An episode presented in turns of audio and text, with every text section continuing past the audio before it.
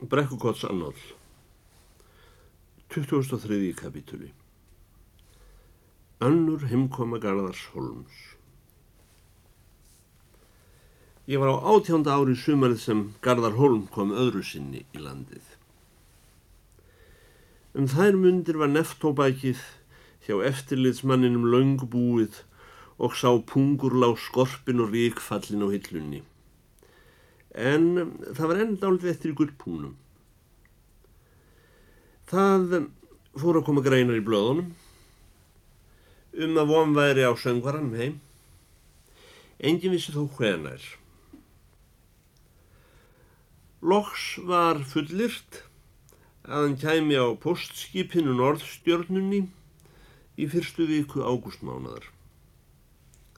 Hann hafði dvalist hinum einn á jörðinni og haldið söngskemtanir í Ástralíu og Japan. Um þessar myndir bárust honum tilbóð í stríðum strömmum frá söngleikahúsum í Evrópu og Amríku en hann kaus ekki að bindast sérstöku leikhúsi meðan heimurinn allur var honum ekki nema ávið hálft kálfskinn.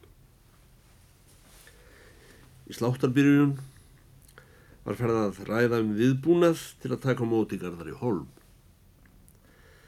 Það mátti til að vera eitt hvert upplýt á þjóðfélaginu þegar himsöngvarinn bæri snú á öldu faldi fræðarinnar til hinnar lágu ætt borgarsinnar sem útlendir ferðamenn þrá stöguðust á að væri klest upp við Norðurpólinn. Haldinn var fundur ímsra stafnbúa þjóðarskútunnar, svo sem bæjarstjórnar, slökkviliðs, bókmentafélags, hornaflokks og hvemfélagsins armbandið.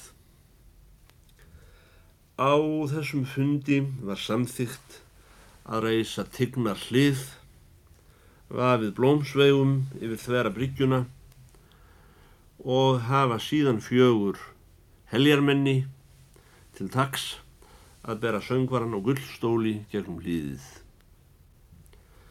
Þar áttu að vera komnir lúðurþeitarar að spila Bjarnaborgarmarsinn, ljósklættar telpur áttu að koma á vettvang með blómvönd.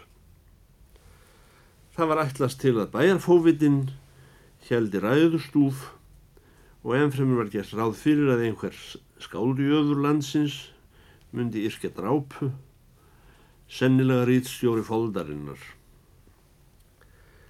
Þess var vænst að Garðar Holm myndi ávarpa eitt borg sína með söng þegar hann veri stígin á land, en uh, eh, fjekst ekki samkommulagum það af hvaða svölum hann ætti að syngja.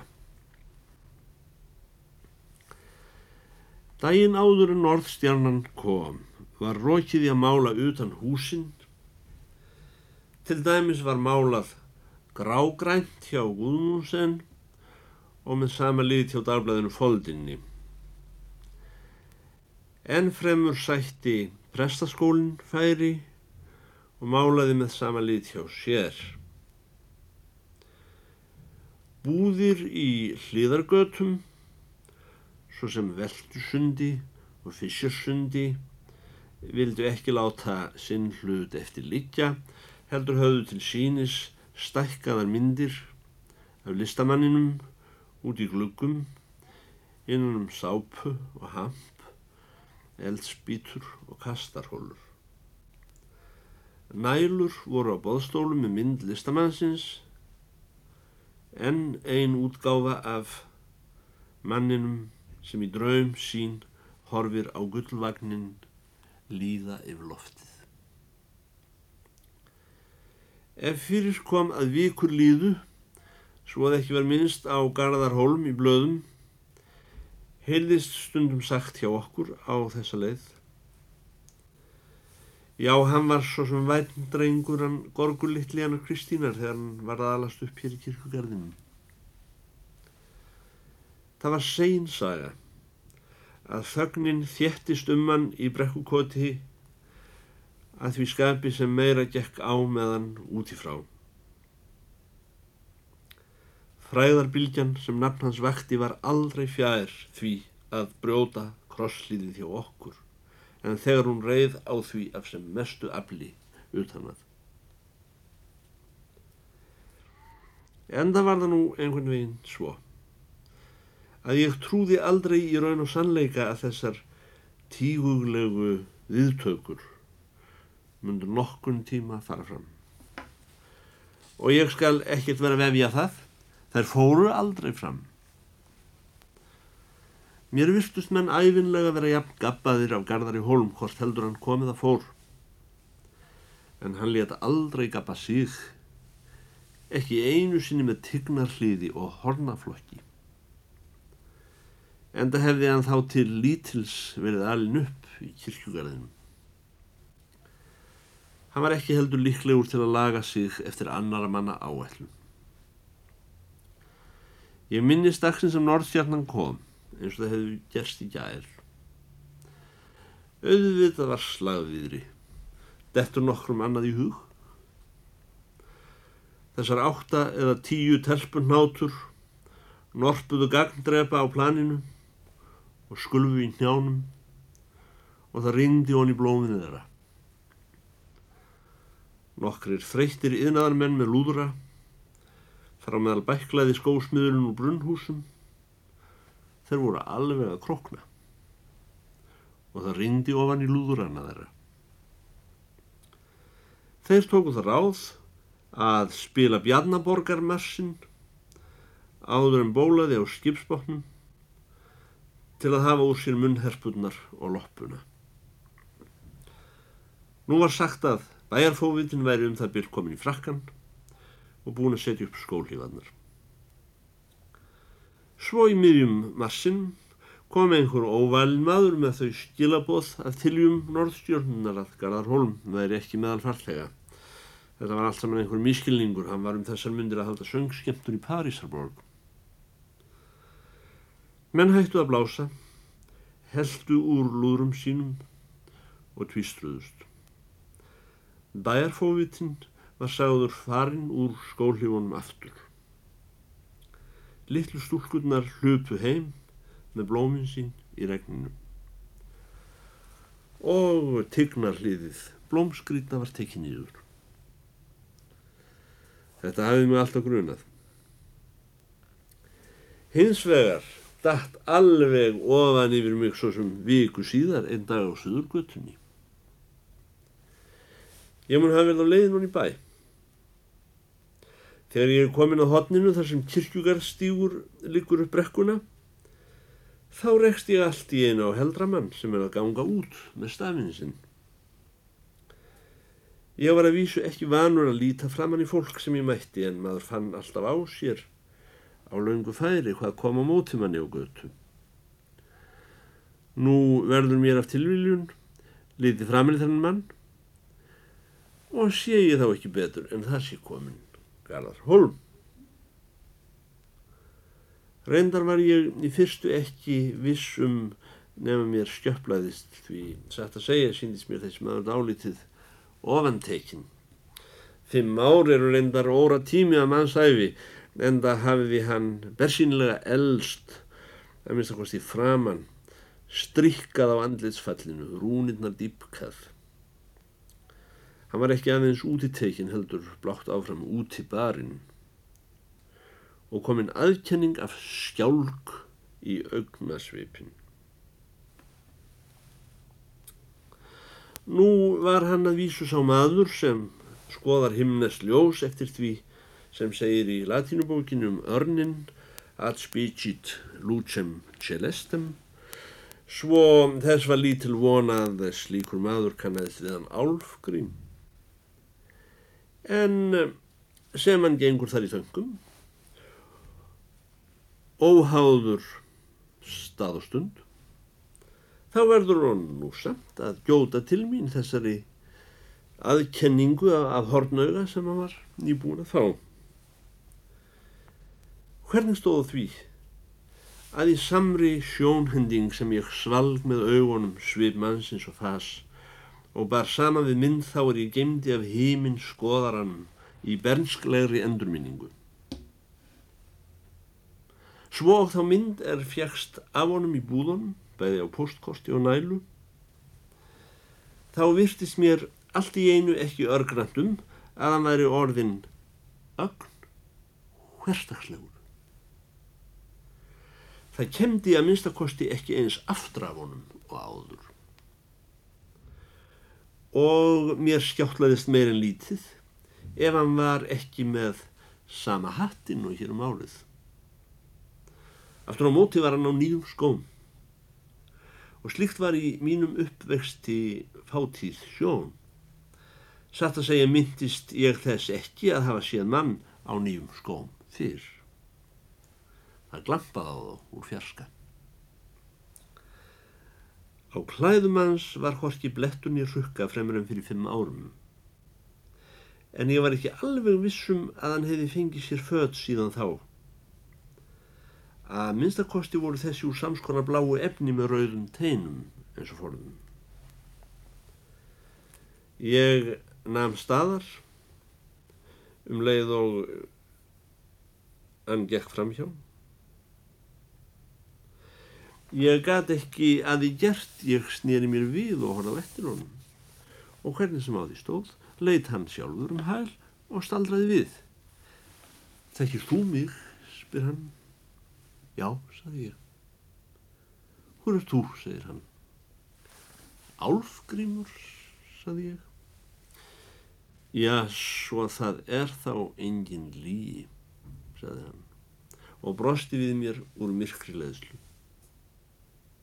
Ég stóð ríg nældur við göttuna. Að lokum gekk hann til mín, ofur einfallega og rétti mér höndina. Svo þú ert sum sé til. Ég held mér hefði dreymt það. Varst ekki þú sem ást fimmurakökunar? Já, jú, mér buðust þær, en ég borðaði aldrei nema eina, sagði. Garðar Holm kastaði af sér þunga heimsfræðarinn og hló. Það varst í öllu falli þú sem varst sendur að kaupa piparinn. Kiftur þann? Ertu búin að skila honum? Ég treysti mér ekki til að svara þessa spurningu og fór út í aðra sálma. Við heldum þér værið hættur við að koma, saði ég. Blómsturliði var rífið. Það var líkt þeim, saði hann og hló af einhverju uppgerða léttlindi sem ég hálf kunni ekki við. Kondu einhvern tíma að finna mig. Við hörum og kaupum fimmörakökur. sagði ég, þakk þér kjallega fyrir. Það er óþart að vera að þjera mig, sagði hann. Það er eins og að þjera sjálfan sig. En væri eitthvað sem ég geti gert fyrir þig, þá segðu til. Hugsaðum það. Hann ætlaði að kveðja mig í skyndi og fara. Gerði auðvitað ekki ráð fyrir að ég hefði ósk á takteinum, en það var nú einmitt það sem ég hafði. Ég hafði árum saman átt mér ósk. Nú var komið óskastundinni. Mér langar svo að byggja þig að syngja fyrir mig álvakongin. Álvakongin, sagði henni sér. Hvað álvakong?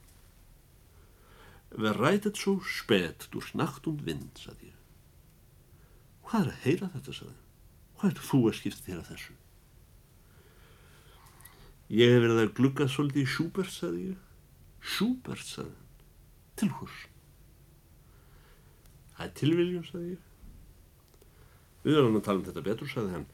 Komt að hitta mig einhvern daginn, hótelið í Sland. Ég skal reyna að gera fyrir því það sem ég get. Hann kvatti mig með handabandi og ég tók eftir því að höndin var hörð og mitt. 2004. kapitúli Álvakongurinn Þetta sumar byrjaði vist ofurlítið að rofa upp hjá mér. Árum saman hafði ég ekki þórað að opna munnin til söngs í áhörn manna af óta við það hljóð sem kynna koma. En þegar ég var í snöttuferðum úr auksínmanna, söður við skerjafjörð, ellegar inn í sógum, þá þrýstu einhverjir lagbóðar á innan að svo ég neittist til að smáreka upp rókur og þetta sumar fóru aftur að koma úr barkanum hljóð einhvers staða nálagt þeim tóni sem ég ætla að ná. Eftir þetta sætti ég færi, eins oft og kostur var, að reka upp rókur í eðilugum stöðum. Nú ber svo til einhvern dag að ég sé hvað hann sér að Jóhann okkar, sem þá var orðin áttræður, er að hæklast upp í kirkjugarð. Allur í háls hnútonum, á eftir utanbæjarmanni. Svo ég slóst í förin eins og ég hefði gert þegar ég var lítill. Ég söng allt eins og blómstrið eina yfir mannin og beðið, ég held meginpartin af sálminn. Þegar ég var búin að syngja og sér að Jóhann búin að molda, þá kom hann til mín færður og tók í höndin á mér og sagði Þú ert nú orðin svo stór og mikill maður álskrimur minna ég fyrirverð mig fyrir að gefa þér tíu öðra en í stað þess þá ætla ég að byggja Guð að standa þér nær. Þakkur fyrir, sagði ég. Þó ég hefði nú reyndar heldur viljað að hann gefi mér tíu öðra annars held ég valla að þetta gaul verðskuldi að Guð sé með mér. Ég var reyndar farin að halda að ég myndi aldrei framar geta reykið upp bofs. Þá sagði sér Jóhann, sumir menn komast aldrei úr mútum, en í öllum góðum mönnum lifir réttur tónn. Ég vil ekki segja eins og mús undir fjallarketti, heldur eins og mús á milli þils og veggja í húsi en það er sérstök náð ef Guð lofar mönnum að syngja þann tón sem þeir heyra. Ég er orðin gamal og ég hef aldrei komist úr mútum. Ég hef aldrei borið gæfu til að syngja þann tón sem ég hef heyrt. En sá tón er jafngóður fyrir því. Það var von ég væri dálítið að hugsa um söng þetta sumar úr því ég var búin að fá röttina og skiljanlegt að ég kæmist allur á loft að vita sjálfan söngvaran komin í landið.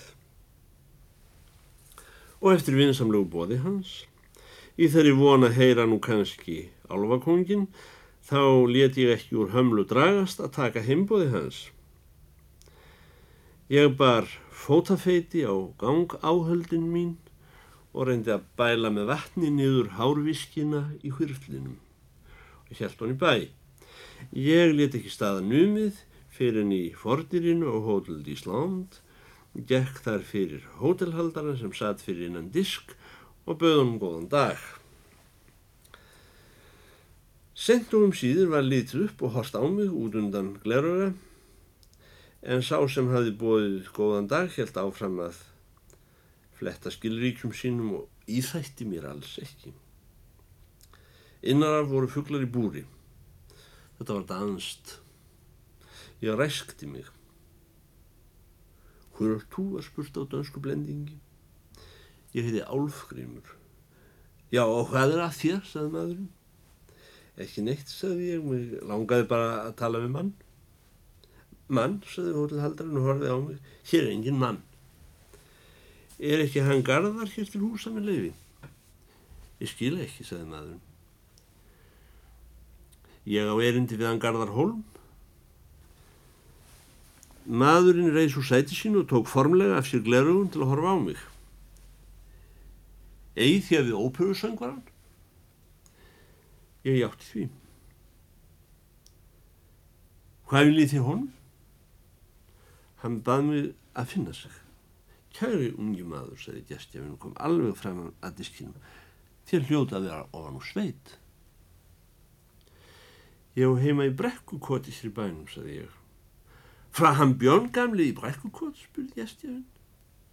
Hvernig stendur á því að þér haldið að þér geti talað við óperusöngvara? Ég er sa sama sem skildur honum, sagði ég. Maður veit sko aldrei hér, saði gestkefin, hvað get ég gert fyrir þú? Ég tók aftur til að segja erindi mitt. Ef þér þekki Garðarholm, þá ættu því að vita að það er ekki á hversmanns færi að tala við ópöfusöngvar að sagði gestkefin og að farin að tala eindum og dönsku. Ef einum verið hleyft aðunum myndi allur bærin koma á eftir. Þeir halda sig eigan Þér segist vera skildur honum og ég hef ekki gögn í höndum til að mótmenna því, ég verð að taka þau trúanlegan, en ég leifi mér að efast um að það sé mikill vinskapur með frændsemi ef þér haldið þér geti vaðið ofin í frændaði það rétt eins og borða eitt stykja brauði með rúlupils. Mikið rétt áritun hans ekki á mér meðan hann dvelst á Íslandi. Ég hef þann heiðu að taka móti brefum hans og segja hann er ekki heima og hann rétti mér ekta gullpenning stöku sinnum en vitaskuld kemur aldrei neitt bref því hann á engvan vinn sem hafi svo lítið álit á honum að halda hann búa á hóteldi í Ísland. Hann kalla okkur pensjóndu famí.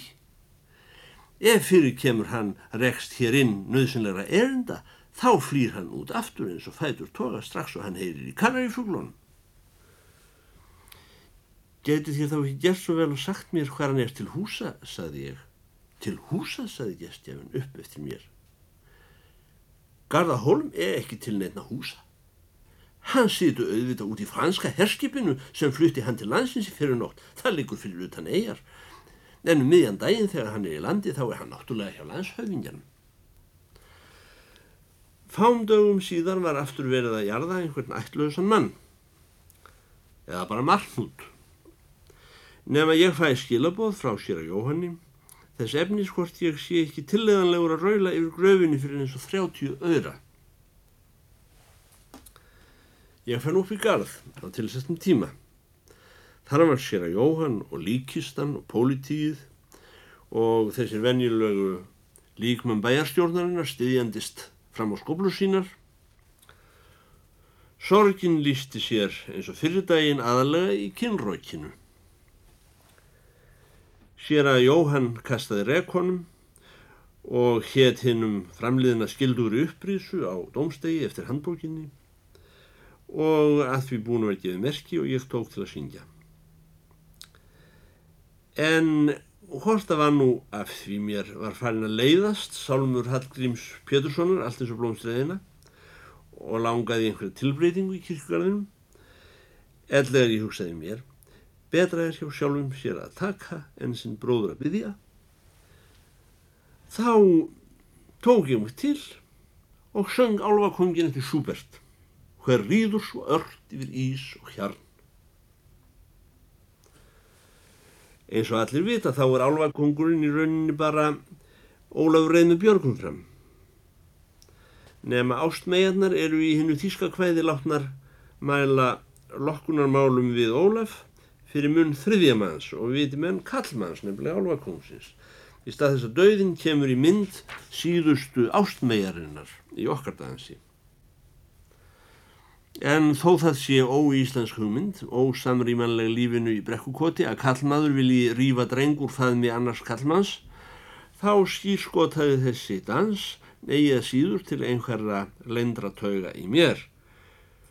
Voru það kannski þessar tríjólur óttasleginar bjöllubumbu sem búið höfðu einhverstað djúpt í nóttinni yfir áltanesi þegar við afi vorum að veða grásleppuna. Ég hef aldrei verið mótfalli nýjulögunum, sagði sér að Jóhann, þegar ég hefði lokið við að syngja álvakongin á þýsku yfir móldum utanbæjarmannsins. Og það er að því, gömlulögin eru ekki síðri fyrir því þó nýju lögin séu góð. Hérna eru 25 öðrar en það er ekki nóg. Mér langaði að prófa þetta lag, sagði ég. Ég vissi hvort þið er að það myndi ekki margur heyra til. Það er öllungis rétt, sagði sér að Jóhann. Það eru allir hernalausir hér í kirkugarðinum nema Guður. Og Guði tekja nýju lögin alveg eins góð og gömlu lögin. Ég held bara að buttan mín sé farin að leka. En hérna finn ég þó loksins tvo aðra. Takkaðu kjallega fyrir sér að Jóhann, sagði og verði nú ekki að borga mér meira. Ég veitir fáið ekkit sjálfur fyrir að jarða svona fátækamenn. Ég geti náttúrulega fengið fyrir að jarða þá eins og aðra, sagði sér að Jóhann, ef ég gengi eftir því við yfirvöldin. En satt að segja, jarða ég alltaf fátækamenn af meiri ánæju en ríkamenn.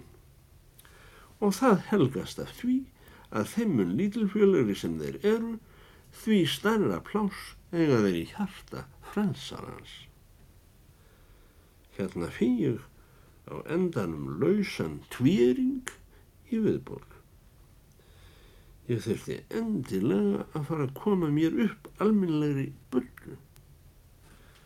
Ég ætla ekki einu sinni að komast upp í þessa þrjáttíu öðra sem ég var þó hálf búinn að lofa þér. Ég verði að byggja þig að eiga hjá mér einn eyri. Ég settist á leiðið hans Gabriel Sálu og höfuð Engils með líksöngseyrin minn í lóanum og sér að Jóhann er farin.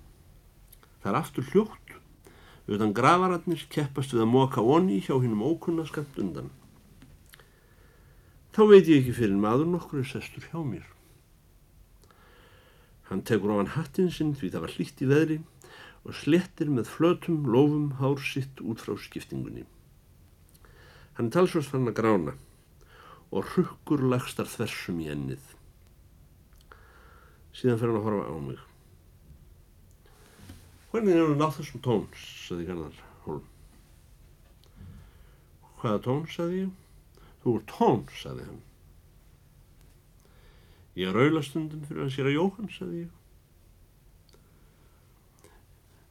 Þér er betra að vara þig, sagði hann. Ég fór að finna þig um daginn, sagði ég, en þú varst út í franska herskipinu. Af hverju stóðstu svona framalega á gravarbakkanum en þú varst að syngja? Heldur að sá sem syngur eigi að trana sér fram fyrir ekkjuna, spurði hann. Það var engin ekkja, sagði ég. Ég er aldrei látið að syngja yfir mönnum sem eiga ekkjur. Maður á ekki að syngja til að skemta sjálfum sér, sagði hann. Ef ég hefði séð þig þá hefði ég kallað á þig að syngja, saði ég. Hann stóð upp dálítið eins og í fússi. Var mér reyður? Eða var þessi ótilkvæmi leiki í fari hans eitthvað sem fræðin áskapar mönnum? Það er til einn tón, saði hann eins og nokkur svona framhald af ræðu sér Jóhans. En sá sem hefur hirt hann syngur ekki framar